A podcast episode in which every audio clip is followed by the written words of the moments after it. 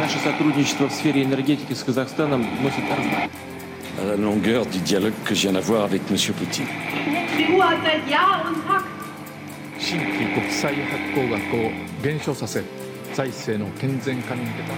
Símbolo del fascismo en Sudamérica.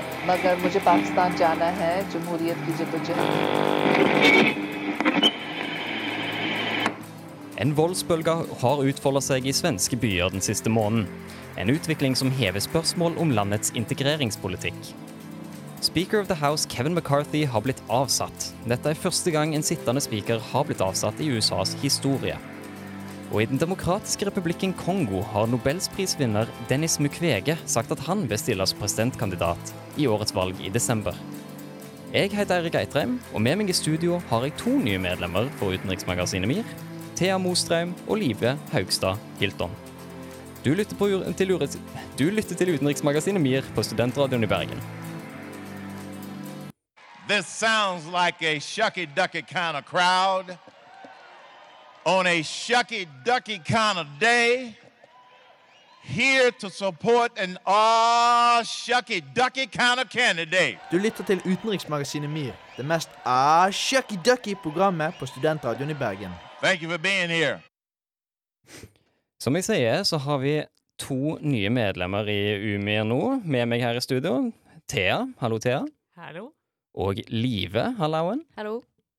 Det er veldig, veldig veldig fint å ha dere begge to, for nå eh, får vi muligheten til å introdusere enda flere medlemmer. Det har blitt nye, liksom, praksisen min her eh, Eller nye faste spalter våre har blitt å introdusere nye medlemmer, så så det er jo veldig gøy. Eh, vi kan begynne med Thea. Hallo, Thea. Hallo. Er det du, eh, hvorfor er du med i utenriksmagasinet MIR? Eh, Jeg har alltid vært veldig interessert i å følge med, og sett på Dagsrevyen helt siden jeg var sånn fem år. Bare for å se hvordan samfunnet fungerer, og vært interessert i det. Og se hvordan politikk er rundt om i verden. Så da har jeg fått en interesse for amerikansk politikk og britisk politikk. Det blir jo veldig fint for, for dagens sending, for vi skal kjøre litt eh, amerikansk politikk eh, etter hvert. Eh, men Live, hva med deg? Ja, eh, jeg har alltid vært interessert i å lære og få mer kunnskap.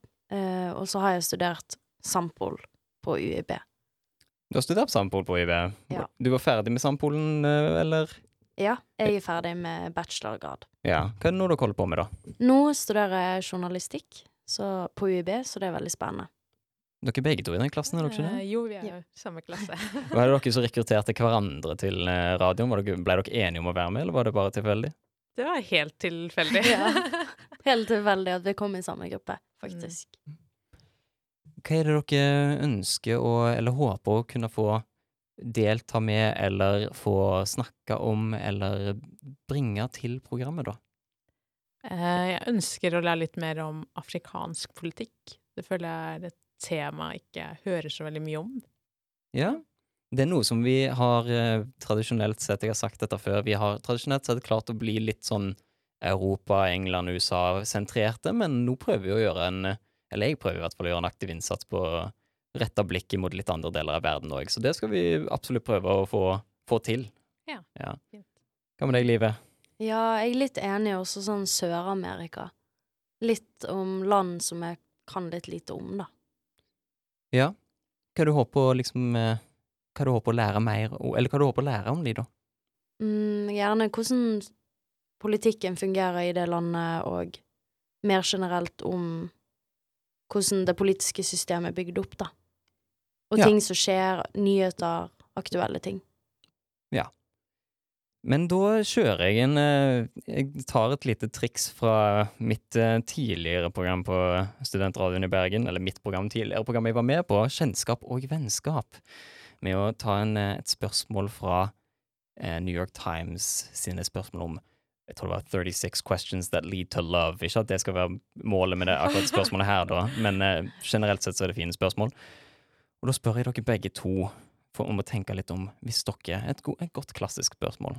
Hvis dere kunne ha middag med hvem som helst, levende eller død, hvem ville dere valgt? Gjerne velge et par òg, hvis dere ville ha et lite middagsselskap. Hmm, det var vanskelig. Jeg føler jeg liksom kommer til å gå litt sånn klassisk når jeg bare sier Barack Obama. Barack Obama? Ja, bare sånn, jeg føler det er et litt typisk svar. Men det er den første som dukker opp i hodet mitt. Ja, men det er greit, det. Hva, hva du tror han hadde Hvorfor tror du han hadde vært en god middagsgjest?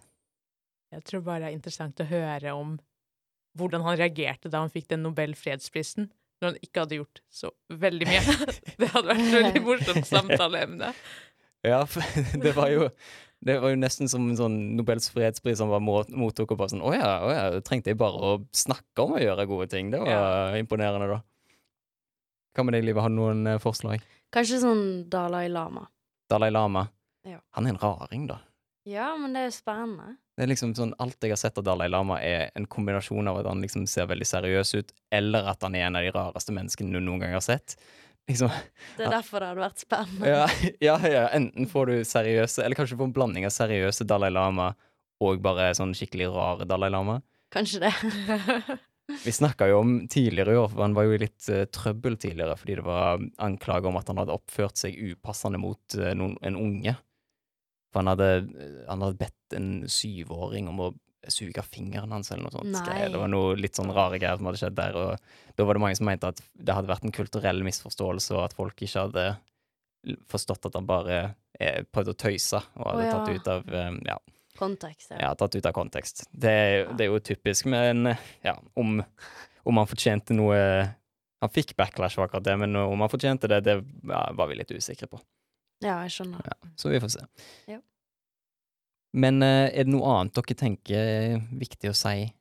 Er det noe annet dere har lyst til å si om hva dere syns om Umir, hva dere syns om å være med i Umir, hva dere er interessert i? Ehm, det kan jo være litt interessant å lære av de andre, da. Fordi vi sitter jo med forskjellige kompetanse da, på forskjellige ting som vi er interessert oss for. Mm.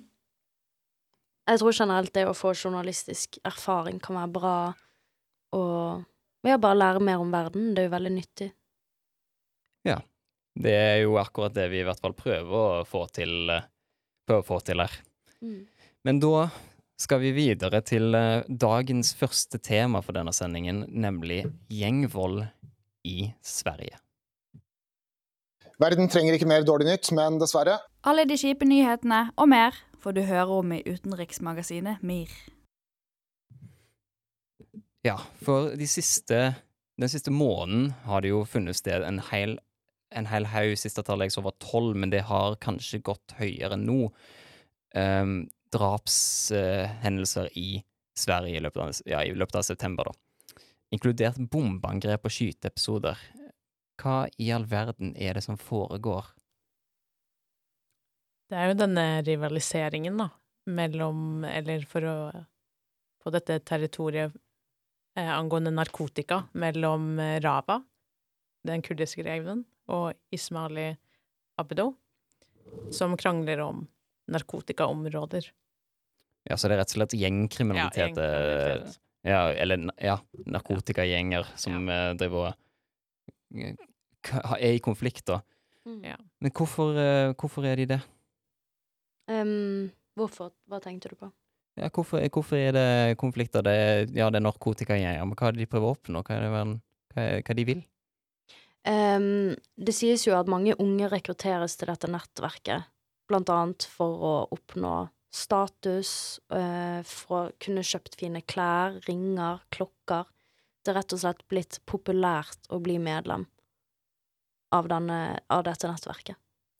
Ja, for unge blir rett og slett syns det er rett og slett en gøyal eller en god ting, og fordi det har, det har perks å bli med i de her gjengene. Det har fordeler. Ja, de kan bli sett på som de kule eller rike, eller rett og slett Ja, som en av de som er høyt rangert, da. Ja, for jeg, så, jeg ser at um, eh, Peter Bragner, ansvarlig for grunnskolen i Stockholm, sa til VG at, eh, at Eller innrømte for VG at vi har feila. Hva hvorfor, har, hvorfor tror dere den svenske staten ikke har Eller hvordan tror de har latt dette skje? Eller hvordan har dette fått lov til å skje? Um, jeg tror at det handler om eh, integrering og inkludering, da, i samfunnet. At det har vært en veldig sånn vi og oss-tankegang. at ikke innvandrerne har fått integrert seg ordentlig, og ikke fått dette plattformer Mm. eller steder hvor de kan lære språket ordentlig. Jeg tror ikke de har blitt helt inkludert i samfunnet, eller integrert i samfunnet, sånn som de kanskje burde. Eh, og det har medført at de kanskje har dannet kriminelle gjenger. Ja, for det, det er jo sånne Vi har jo hørt om at det er visse deler av svenske storbyer som eh, mer eller mindre har blitt til gettoer, og sånne, sånne områder er jo notoriske for å skape akkurat sånne type situasjoner, da, eller i hvert fall sånne om, ja, sånne gjenger, og eh, at fin, folk finner tilhørighet i gjengmiljøer istedenfor alle andre plasser som det ellers går an å finne tilhørighet. da. Ja, jeg tror det handler veldig mye om hvor husene og leilighetene har blitt bygd for de som har kommet fra utlandet. At veldig mye har blitt bygd i samme områder, så det danner seg gjerne gjenger i de områdene, da.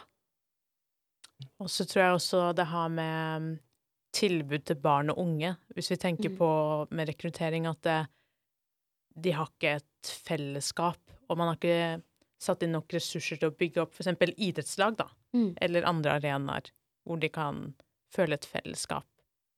Absolutt, og vi ser jo for eksempel her i Norge at idrett er en veldig viktig bit av integreringspolitikken her. Det er jo et viktig arena for å danne sosiale fellesskap, og for å bli en del av samfunnet. Ja, for hvordan er det Hva er det de har Hva de har prøvd å gjøre Ja, hvorfor har de ikke fått det til i Sverige, tror dere? Det er vanskelig å svare på, men det kan hende at det handler mye om Jeg vet ikke. Kanskje mangelfull integreringspolitikk. Jeg tenker kanskje litt sånn taushetskultur, der man ikke tør å ta opp utfordringer ved integrering, selv om integrering også Eller innvandring og integrering. Selv om innvandring også har mange positive sider, så har de valgt å Når det har oppstått problemer, så har de bare valgt å være tause om det, og så kom Sverigedemokraterna og begynte å snakke om det. Mm. Ja, for dette har jo vært et sånt fenomen som har blitt diskutert i forhold til Sverige. Vi, I Norge så er vi jo kjent med eh, sånne utsagn som svenske tendenser og sånn eh, politisk retorikk rundt akkurat det der med situasjonen i Sverige.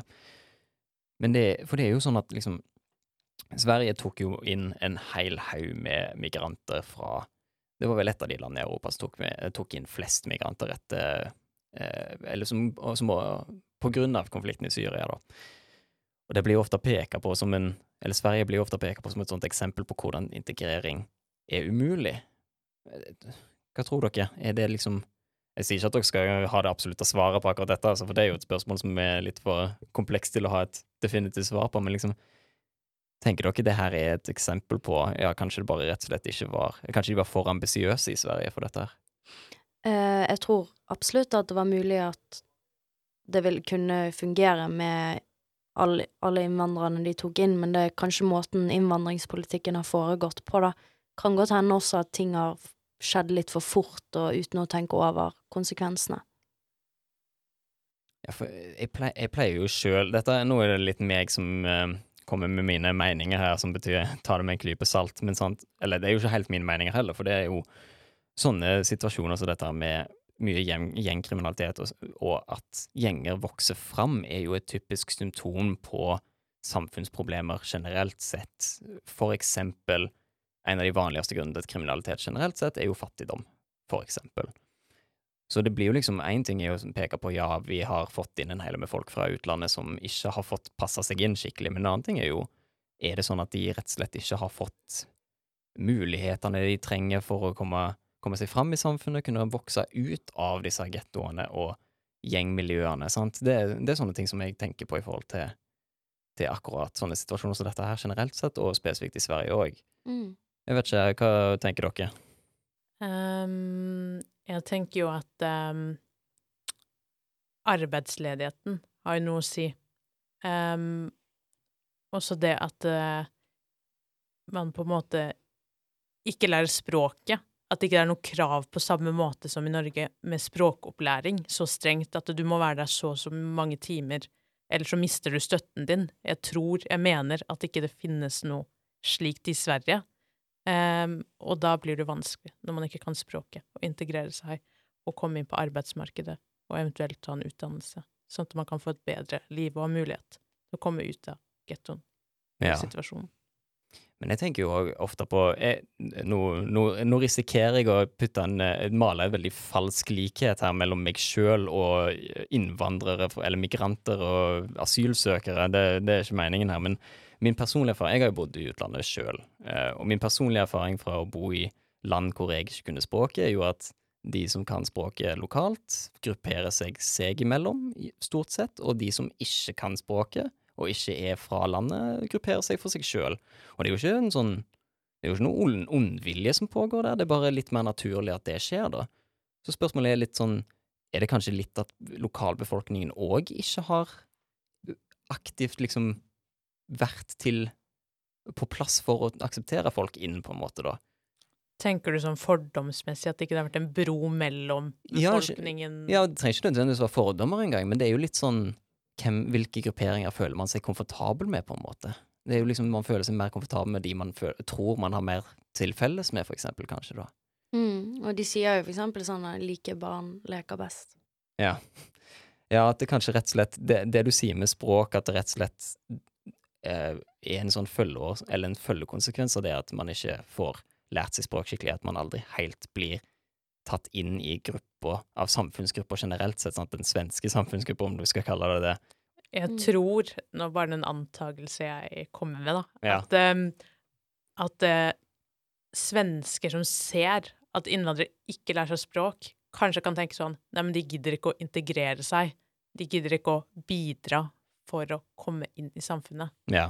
Da blir det en litt sånn ja, for det er jo på en måte sånn, det er jo ikke bare opp til politikerne heller, for de kan jo ikke være ute og få med seg alt som skjer i samfunnet. Men det er litt sånn som du sier, at befolkningen har gjerne et ansvar også for å inkludere disse folka. Ja.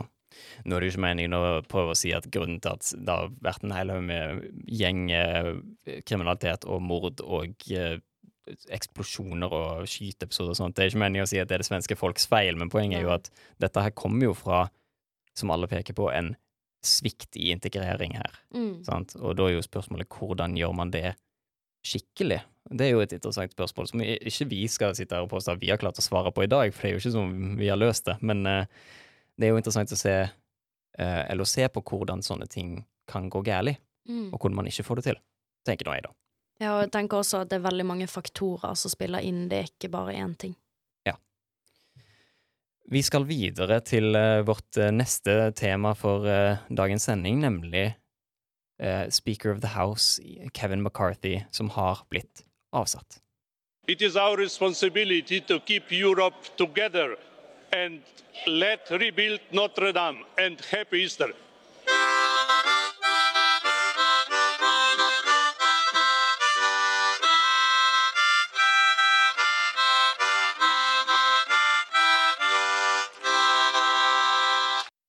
Da er vi tilbake, og vi skal snakke om, som nevnt, Kevin McCarthy.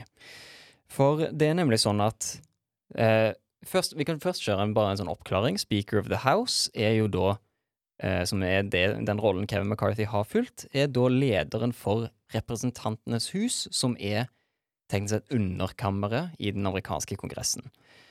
Den som har det embetet, er tredje person i arverekka, eller følgerekka, til presidentskapet. Så du har presidenten, du har visepresidenten, og så har du Speaker of the House.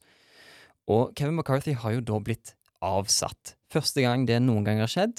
Det har blitt forsøkt før, men forrige gang det ble forsøkt å avsette han, eh, sittende speaker, var for 100 år siden. Så det er en først, eh, bokstavelig talt en historisk hendelse her som har skjedd. Eh, hva er det, det Hvorfor har han blitt avsatt, er vel første spørsmålet, da. Det handler vel om at han inngikk det midlertidige budsjettet med demokratene, hvor eh, republikanerne ikke var eh, helt enig i innholdet, da. Bas eller basically. Oppsummert så er det at den amerikanske staten har et budsjett som sier hvor mye de, kan, hvor mye de har lov til å bruke penger på, og det budsjettet holdt på å gå tom, var eh, mer eller mindre det som skjedde. Og det som skjer hvis budsjettet går tom, er at staten må eh, slutte å betale lønna og sende hjem offentlige ansatte som ikke er helt nødvendige for driften av staten, som fører til at en hel haug med ulike offentlige instanser og offentlige tjenester ikke blir tilbudt så lenge staten ikke har penger. Det er det som kalles en government shutdown. Det klarte de da å forhindre tidligere i Jeg mener at det var i slutten av eh, Eller til, eh, slutten av september, tror jeg de ble enige om dette. Og utsatte det her eh, eh, Utsatte shutdownen til Eller skaffa funding fram til 17. november. Men hvorfor i verden er det noe sånt som liksom Hvorfor blir han avsatt? Hvorfor blir McCarthy avsatt på grunn av det? Det jeg har hørt, er at um, de republikanerne som han måtte få for at han skulle bli speaker, for det første, som tilhører en høyrefløy, de, i den avtalen for at han skulle bli det, så sa de at de fikk lov, hvis de hadde mistillit til han, eh, å fremme et forslag, da, om mistillit. Mm. Um, og de mener at han har lagd en slags hemmelig avtale med demokratene og Joe Biden, da, spesielt dette med eh, støtten til Ukraina, som det har vært stor uenighet om.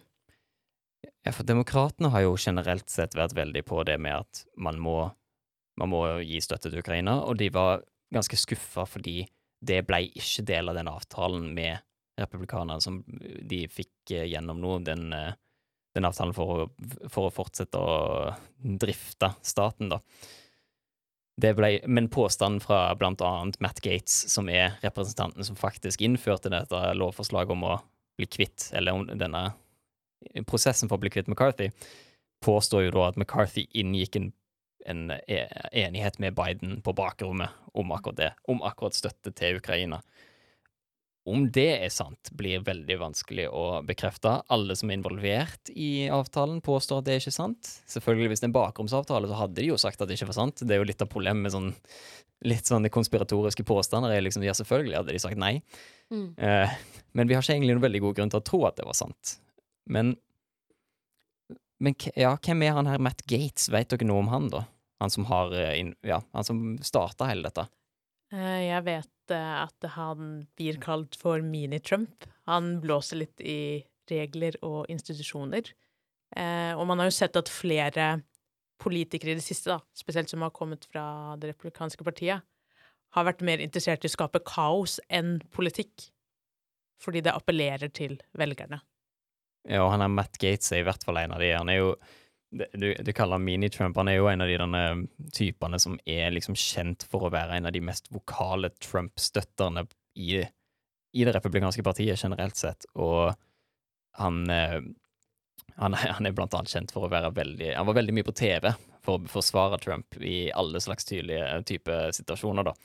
Uansett hva det handler om. Og han og syv andre republikanere. Det var veldig, veldig tett avstemning på dette. Det var 216 stemmer som sa ja til å kvitte seg med McCarthy, 210 som sa nei. Hele det demokratiske partiet sa ja, åtte republikanere sa ja, og resten av republikanerne sa nei. Og det er denne gjengen med åtte som er liksom kjent som de mest radikale, eller ytre høyre-typene i Representantenes hus, som eh, jeg hørte på eh, Jeg satt og så på direktesendingen av den avstemningen, i hvert fall på slutten. Hele greia tok så fire timer. Det hadde jeg ikke gidda. Men på slutten, det var jo folk som var overraska over at denne gjengen drev og liksom gispa. Hørte gisp fra salen når folk stemte, når noen av de republikanerne stemte ja. Eh, hva i all verden betyr det for, eh, for, eh, for tida framover, da? Det har vel blitt satt inn en slags vara. McHenry, tror jeg han het. Eh, og han har jo alltid vært sånn backup helt fra eh, McCartney tiltrådte i den rollen. Ja, vi, har, vi har byttet McCartney med McHenry. Ja, det, det la jeg merke til. Det var litt morsomt. Patrick McHenry fra North Carolina blir midlertidig speaker. Og så har det vel kommet opp noen navn i dag, tror jeg. Blant annet en som het Jordan, og han er litt mer eh, til høyre enn McCartney, så enkelte tror jo kanskje at det kan roe den fløyen litt i det republikanske partiet. Det, det er jo ganske spesielt at det er såpass mye splittelse også inn, innad i det, det republikanske partiet. Det viser jo litt om hvor store forskjeller det er på den republikanske siden. Ja, ja, hva tenker du om det, da? Hva, syns du om, hva tenker du om det at det er så mye splittelse? Jeg tenker Det er vanskelig å si, men det jo, viser jo at det er en side som gjerne støtter veldig Trump, og så har du en annen side som ikke er helt på det Trump-siden. Ja ja, for det er jo en ting som vi kommer til å fortsette å følge i Umir framover, er akkurat det der med For det er, jo, det er jo valg neste år. Neste, neste november er det presidentvalg igjen. Og spørsmålet blir jo eh, Det har alltid vært spørsmål om når om det republikanske partiet kommer til å løpe vekk fra Trump på et eller annet tidspunkt. Sant? Nå har de en hel med kandidater som stiller som ikke er Trump, men eh, mange av de som har en, en eller annen tilknytning, eller eh, Mike Pence, for eksempel, stiller jo eh, Du har Rick DeSant... Eh, nei, Rick, jeg håper å si Rick Santorum. Eh, DeSantis som stiller. Um, og en del andre folk som ikke er like viktige. de er de som ikke har sjanse.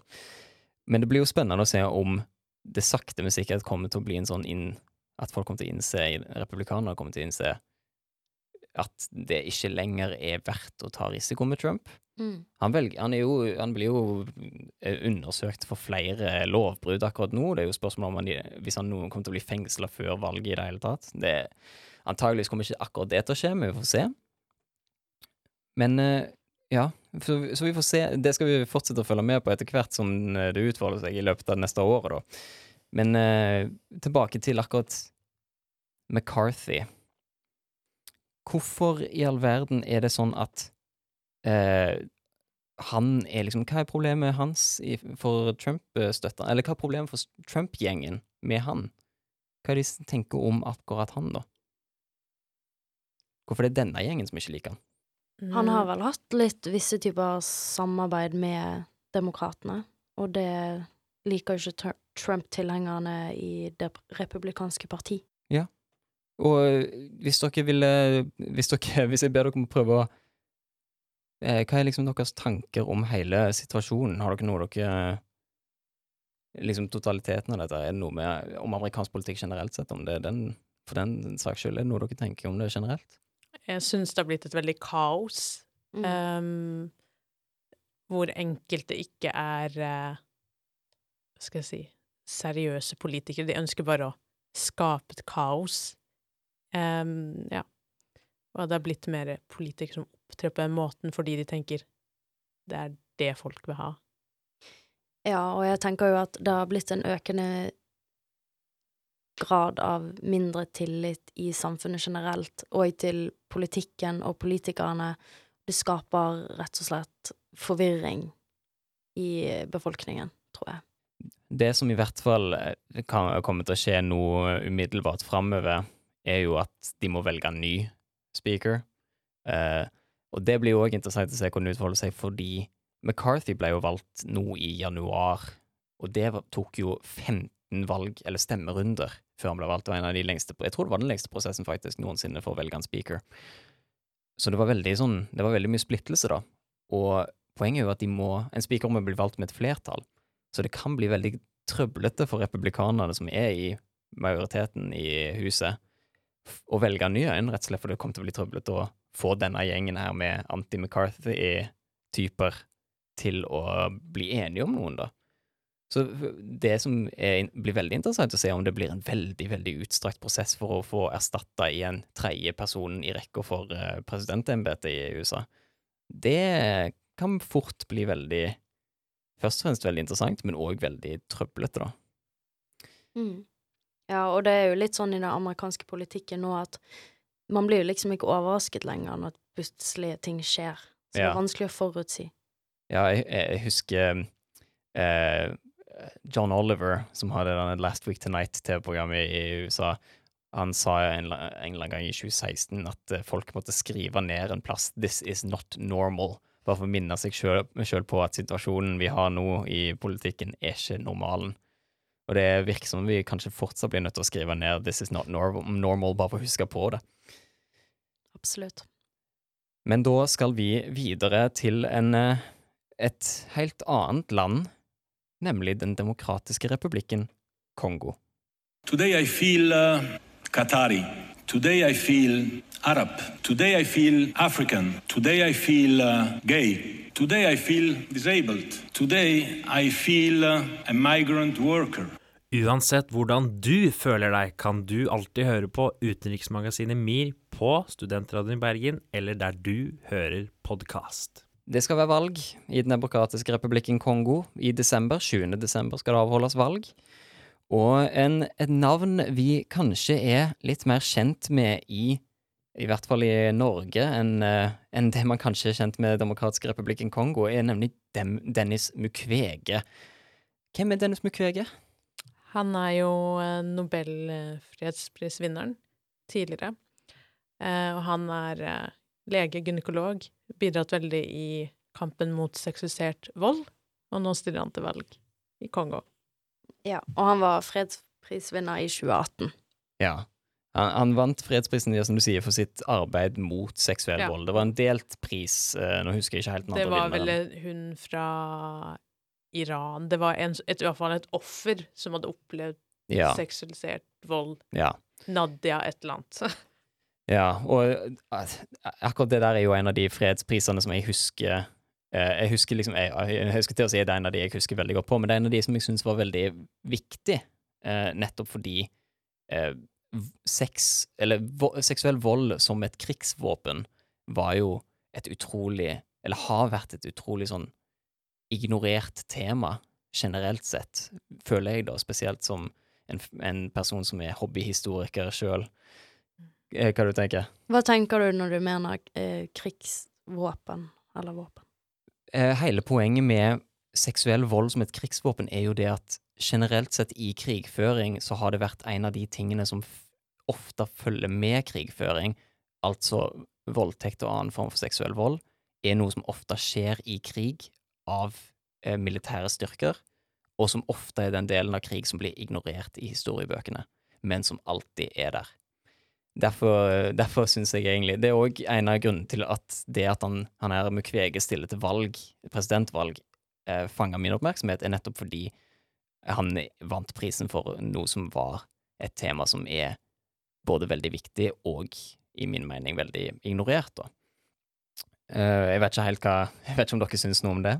Jo, jeg, jeg syns det er veldig viktig at han har fremmet en, en sånn type sak.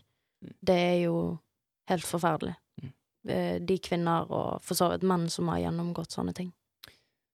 Ja, vi, vi fant jo ut at eh, han her Mukwege har jo fått et kallenavn pga. han, han er gynekolog, som du nevner, Thea, og han fikk et kallenavn i Han har drevet sykehus hvor han har behandla kvinner som har vært volds, eller voldtektsofre. Og har derfor fått kallenavnet 'Mannen som fikser kvinner', altså ment på et positivt vis, eh, ikke som en sånn eh, ikke så, det, er vel, Jeg er veldig sikker på at det er meint som en sånn optimistisk beskrivelse av han. Eh, han har jo da sagt at han vil stille som presidentkandidat. Og det som er første tingen som jeg syns er interessant med han, er jo at han er Han sa han vil stille som presidentkandidat for han vil mer eller mindre bare fikse landet. Men han har ikke egentlig sagt noe som helst om hva han står for. Så akkurat det er jo et stort spørsmålstegn. Men hva, hva var det du tenkte på, Thea? Det var akkurat det jeg tenkte på. Hva er det egentlig han står for? Ja. For om Man vet jo at han har noen gode verdier, men hvordan vil han eh, Hva slags politikk vil han utføre i eh, Kongo? Og særlig i østlige deler av Kongo, der det har vært en konflikt. Ja, for spørsmålet er jo hvilke planer har han for å fikse opp i dette, liksom? Ja, men vi får, vi får først kjøre en liten sånn beskrivelse av eh, Demokratisk republikken Kongo. Eh, den, politisk, i hvert fall. Den første delen er jo at navnet er en løgn. Den demokratiske republikken Kongo. Kongo er, den Demokratiske republikken Kongo er kjent som et av de minst demokratiske landene i verden. Uh, jeg pleier å ha det som en huskeregel at hvis landet kaller seg sjøl det demokratiske et eller annet, så pleier det å være veldig udemokratisk. Det har fungert veldig fint. Det funker for Nord-Korea. Democratic People's Republic of North Korea. Det funker for Kina. Det funker for Kongo. Eh, den sittende presidenten heter Felix Shisekedi. Jeg er ganske sikker på at det er sånn det uttales. Um, hvis det er feil, så beklager jeg inderlig til Felix, hvis han noen gang hører på dette. Uh, han har da sittet som president siden valget i 2018, så han har sittet i én periode. Han stiller jo da til gjenvalg.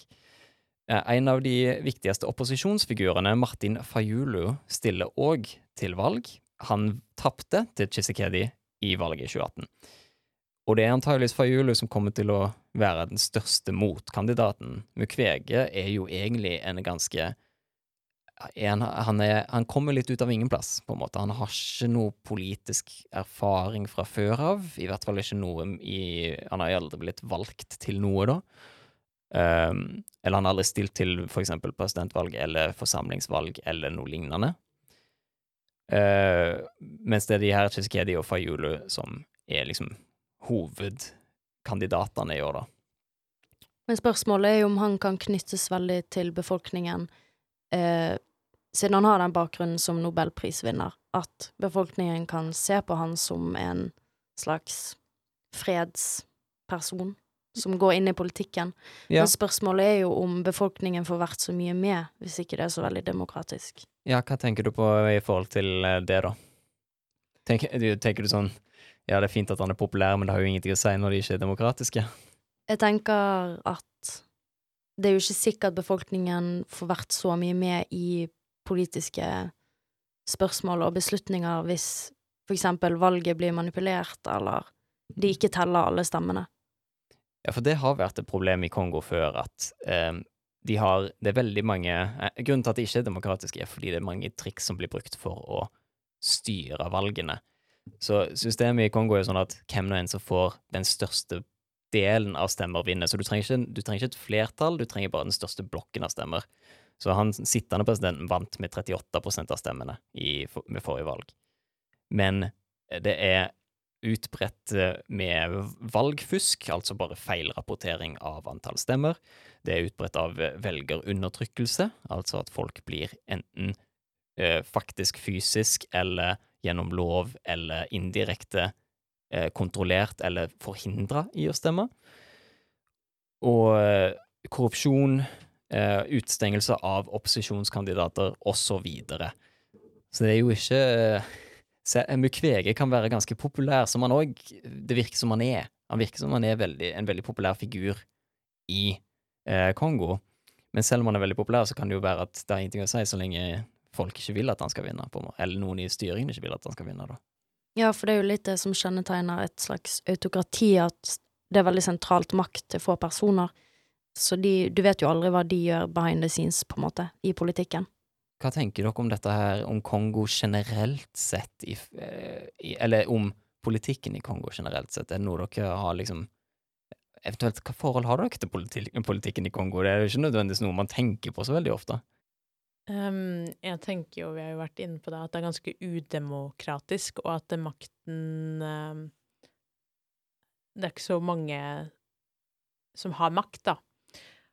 Og så tenker jeg det er jo likhet med veldig mange andre afrikanske land, at de Det er mye korrupsjon, lite tillit til politikerne, som også kan gjøre at eh, kanskje folk begynner å tenke neimen, hvis jeg stemmer, så har det ikke stor verdi, fordi det er uansett et korrupt system.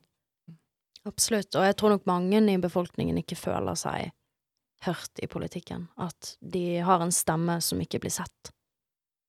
Ja, det er som eh, Du nevnte jo tidligere til at du gjerne vil at vi skulle snakke oftere om Afrika, og det er jo et uheldig fenomen at en av grunnene til at vi ofte snakker om Afrika, er når det er et eller annet som går galt, og for å si igjen at ting går galt. Eh, eller på, minne folk på at ting går galt.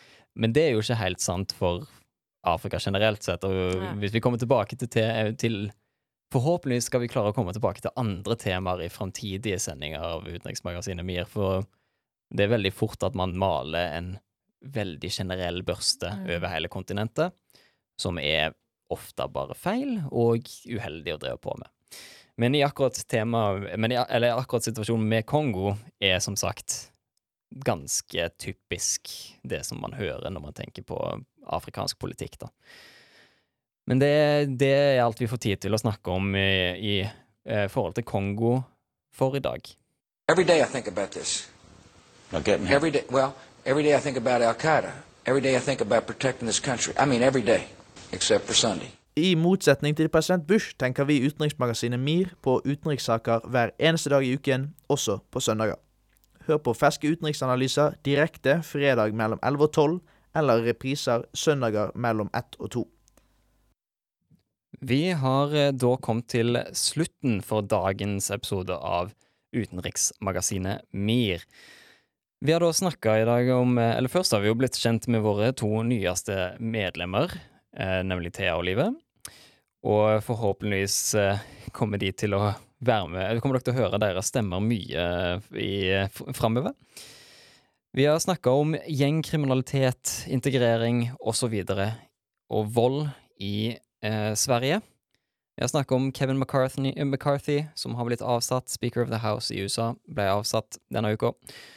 Og vi har snakka om Dennis Mukwege som stiller til valg i Den demokratiske republikken Kongo.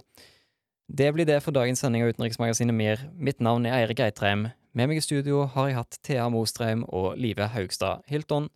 Ansvarlig redaktør er Sofie Larsen Nesdal. Takk for denne gang.